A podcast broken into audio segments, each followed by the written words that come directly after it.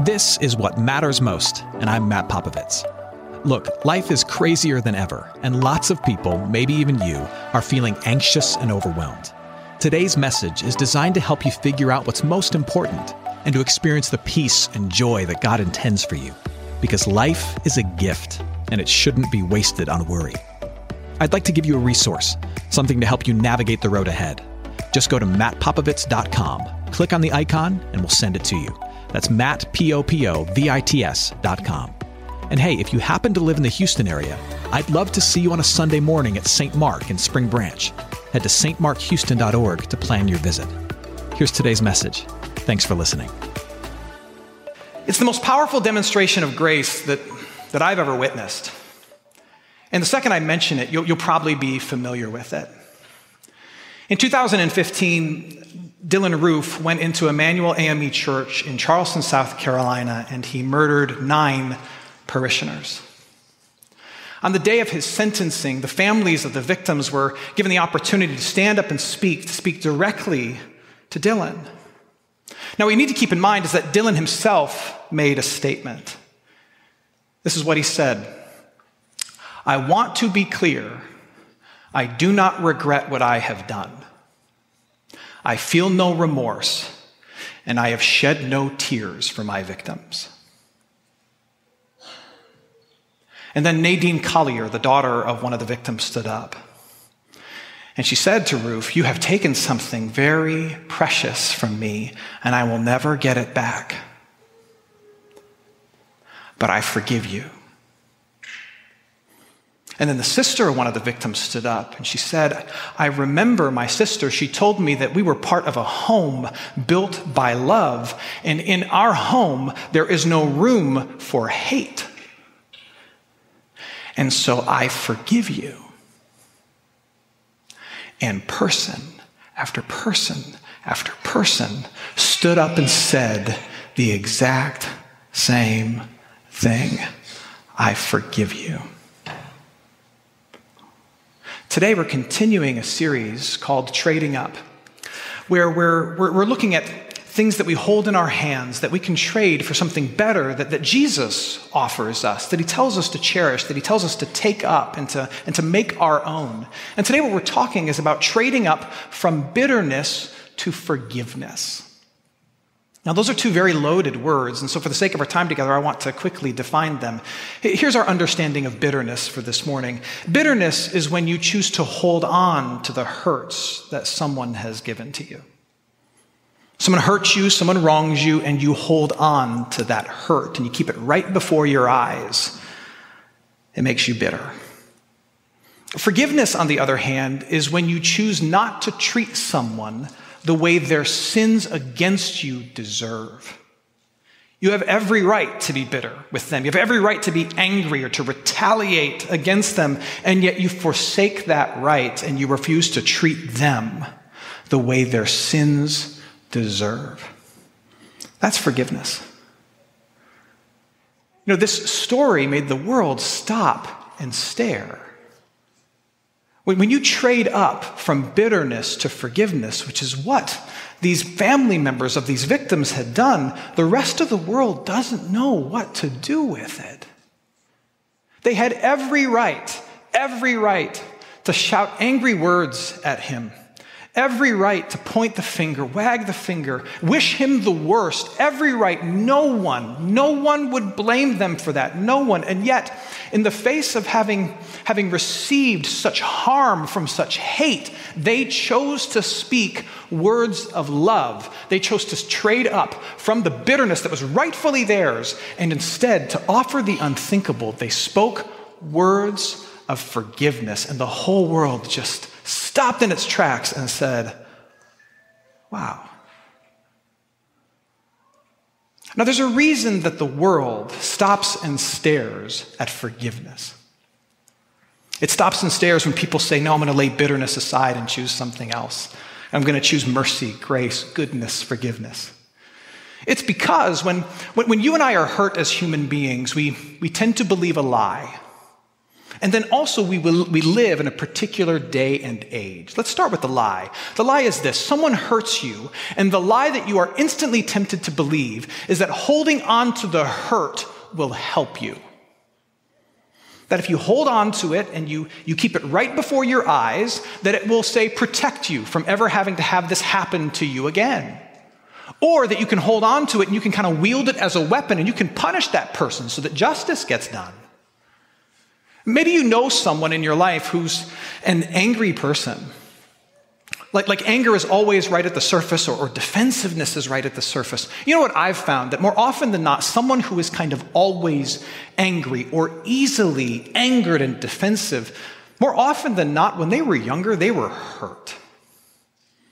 And what you're seeing is that hurt right at the surface, in their hands, right before their eyes, and they're, they're trying to protect themselves from ever being hurt again. Or often we hold on to it and we think, well, this is an effective weapon to punish the other person. They need to be punished by my bitterness, by my anger. I'm not going to forget, and they will never forget what happened. And they want to wield it like a weapon. We believe that lie. That we can protect ourselves by holding on to it, we can punish others by holding on to it. Likewise, we live in a day and age that tells you this that if you have a hurt, you will be heard. And the reason people of faith are, are, are, willing and able, or at least should be willing and able to do this, is because we see our hurts very differently than the rest of the world does. And you see this in the words of Jesus, you see it in the words of Paul. Specifically, we see bitterness different than the rest of the world. When you hold on to it and treasure it.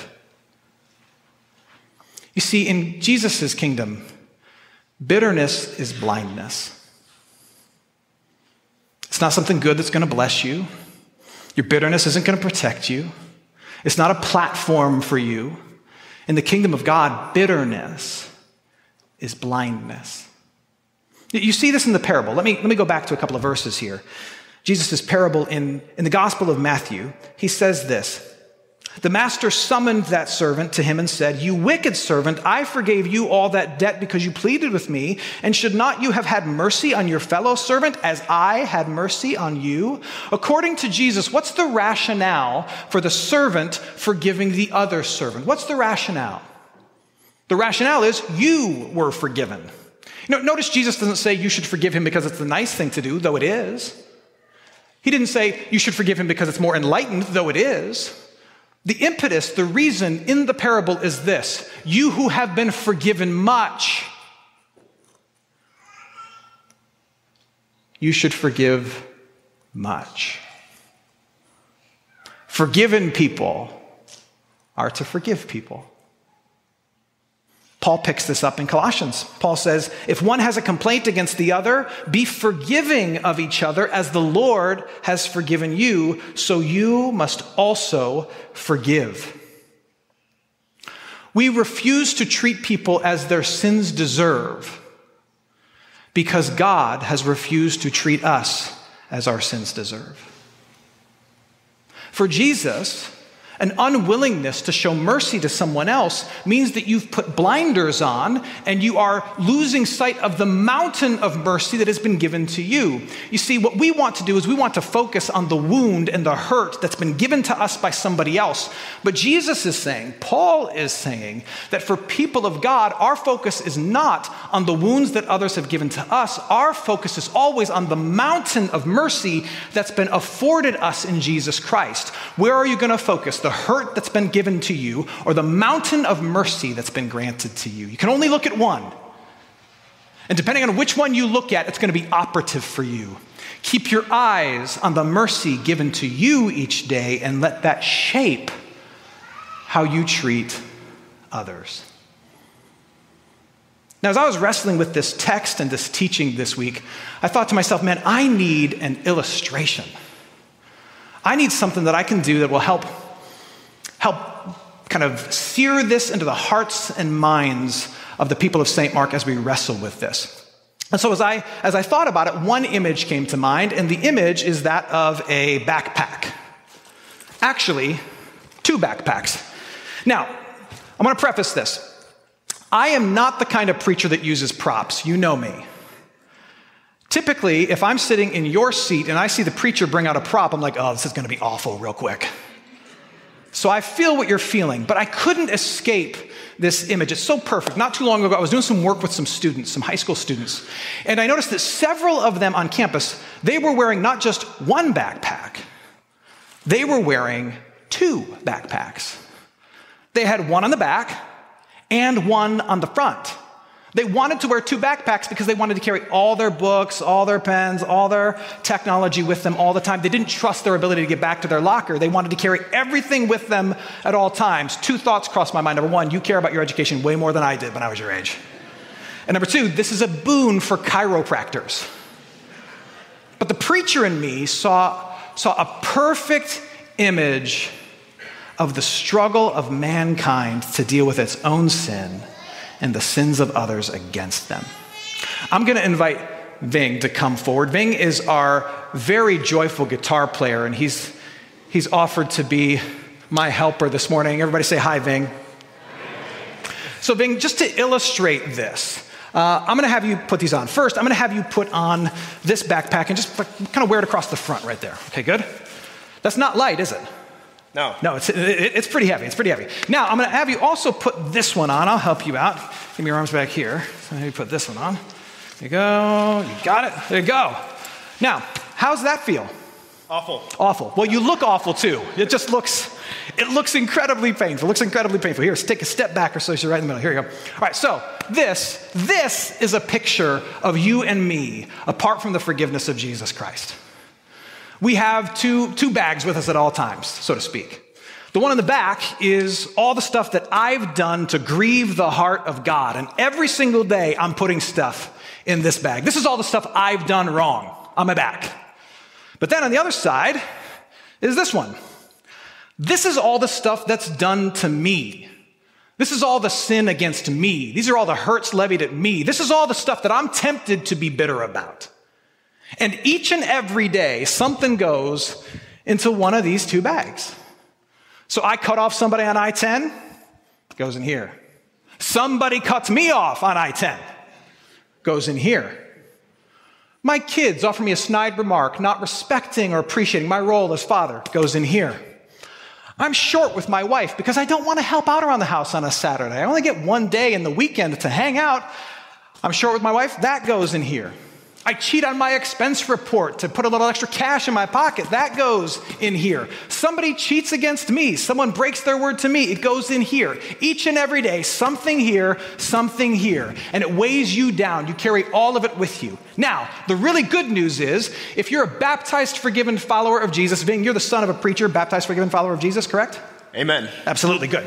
So now, if you're here as a baptized, forgiven follower of Jesus, here's the really, really good news. This one, this big one that represents all the stuff that you do, all your sin, all your mistakes, all of it, it's off your shoulders completely. Does that feel better?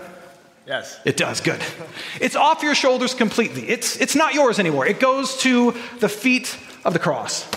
It belongs to Jesus. He died for it. His blood covers it. It's all forgiven. Now, every day, are you still putting stuff in there? Absolutely, but it's not yours anymore. It belongs to Jesus. He's forgiven it, it's covered, it's His, it's all His, it's off your back. Here's the thing I want you to take notice of. It is possible for you to have all your sins off your shoulders, but all of everybody else's sins still in your hands and you're holding on to all the hurts and all the pains and all the things that people have done to you, you can be free of this, but still carry this. And you can walk around face this way. You can walk around trying to convince yourself that it's a shield, but it's just heavy. You can bump into other people thinking that it's a weapon to protect yourself from other people, but it's not effective. It just makes you a mean, ugly person. Like, what's wrong with you, man? It's not good. But here's what happens we trade up for forgiveness when we're willing to do this, when we realize that Jesus not only died for this, but he died for this. He not only died for your sins, but he died for all the sins that have been levied against you, which means how foolish is it to believe that you can lay all of this down, but you still got to carry this? You trade up for forgiveness when you realize that you can take this off. You don't have to carry all the things that people have done against you, and you can drop it at the foot of the cross as well. And now, now you're free. And now, every time you do something stupid or somebody does something stupid against you, what do you do? You say, That's for Jesus. He's forgiven it, His blood covers it. It doesn't own me, it doesn't define me. I deal with it, but I don't carry it. It's not my wound, it's not my weapon, it's His to fix and to help and to heal. You trade up for forgiveness when you realize that your sins are not only off your back, the sins of other people are out of your arms and off your chest, and it all belongs. It all belongs to Jesus. Give Ving a round of applause. Good job, man.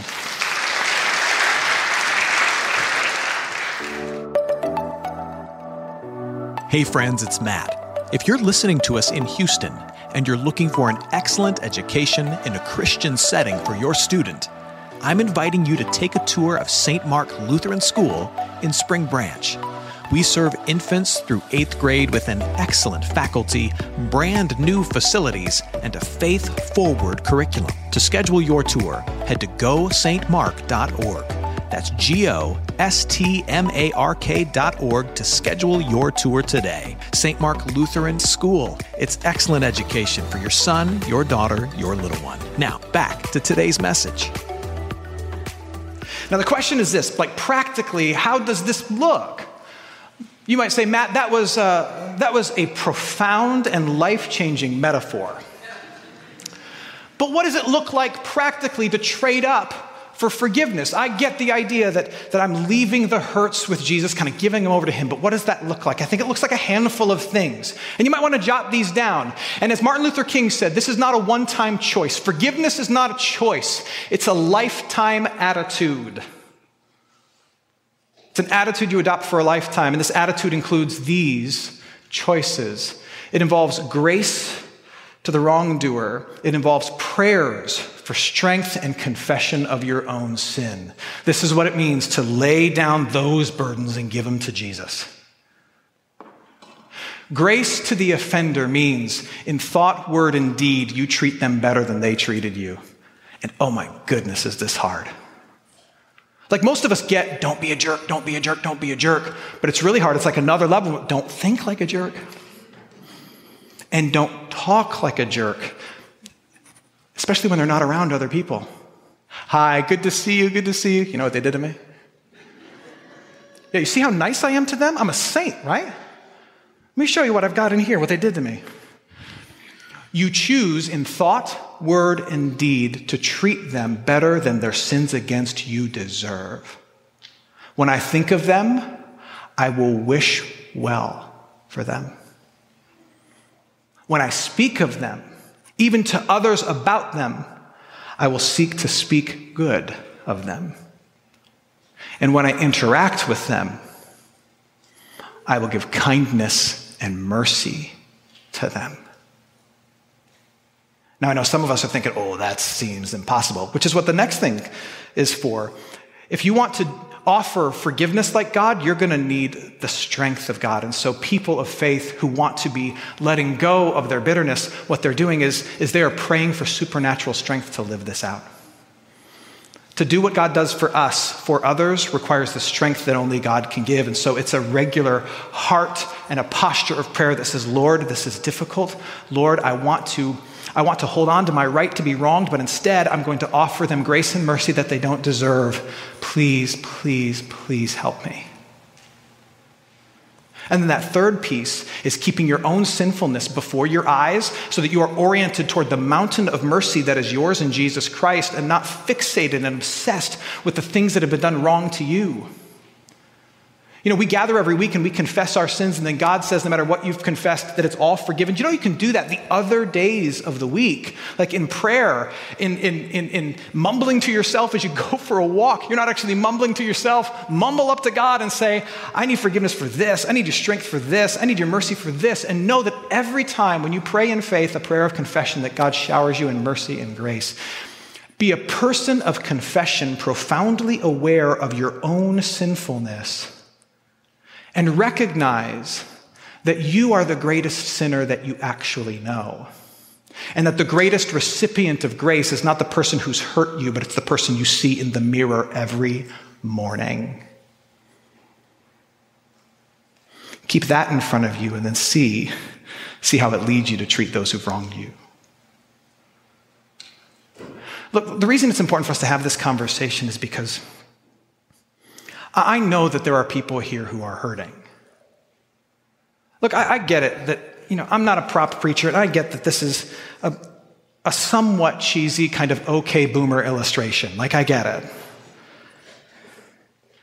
But I felt a deep burden to show you something that might stick because I know that there are many of us here who have hurts so deep they dare not speak because if they do, they dissolve into tears. That there are people here who carry wounds so profound that they've, they've never uttered them to anybody else because they don't think anybody else would know what to do with them. There are people here who say, Yep, I'm forgiven by Jesus. That pack is off my back, but you are carrying a profound weight in your arms each and every day. I know you are. And what I need, I need you to hear is this is like your hurt is not helping you. It's not helping you. The only one who feels it is you. And I know you struggle to trust, but listen to me. You can trust Jesus. He will not let you down. He took the sins that you've committed. He can take the sins that have been committed against you, and you can hand them to Him and say, You deal with them because I can't carry them. They crush me, and then I end up hurting other people. Take them, and He will take them from you. And that's real freedom. One of the best of the dead theologians is a guy named Saint Cyprian. He was the bishop of Carthage in 248 AD, so he's like super dead.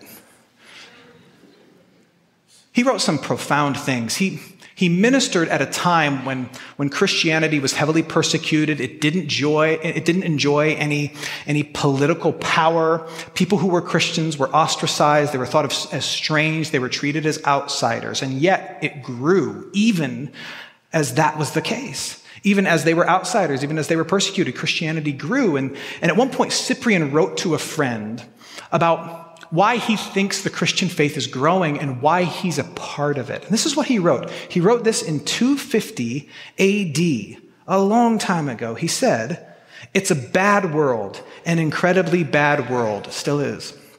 But I have discovered in the midst of it a quiet and holy people, that's us, who have learned a great secret. They have found a joy which is a thousand times better than any pleasure in our sinful life. Listen to this. They are despised and persecuted, but they care not. They are masters of their souls. They have overcome the world. These people are the Christians. And I'm one of them. In a setting where, where God's people had every incentive, every reason to be bitter, to be angry about the way they were being treated in the world and their situation in the world. They chose, God's people chose to trade up to something better. They chose to be people of grace and mercy, of joy and forgiveness. And forgiveness did, trading up did, then what it always does. It made the world stop and stare and take note. And it still does. When the world looks at you, when the world looks at me, when the world looks at our church, may it see something more than our baggage. May it see people who have a secret. And the secret is this there's something better than being bitter. Amen. Let's pray. Hey, it's Matt. I hope you enjoyed what matters most. Here's what I need you to know life is a gift, and it shouldn't be wasted on worry. I want to help you figure out what's most important and to experience the peace and joy that God intends for you. So for more content, you can head to mattpopovits.com. That's Matt, P O P O V I T S.com. There you can also support this ministry as well as access your free resource, a little something to help you navigate the road ahead. I'd also love to see you on a Sunday morning. If you're in the Houston area, head to stmarkhouston.org to plan your visit. In the meantime, hit me up on Instagram at mpopovits or at facebook.com slash Ministries. Thanks for listening. Now go and hold tight to what matters most.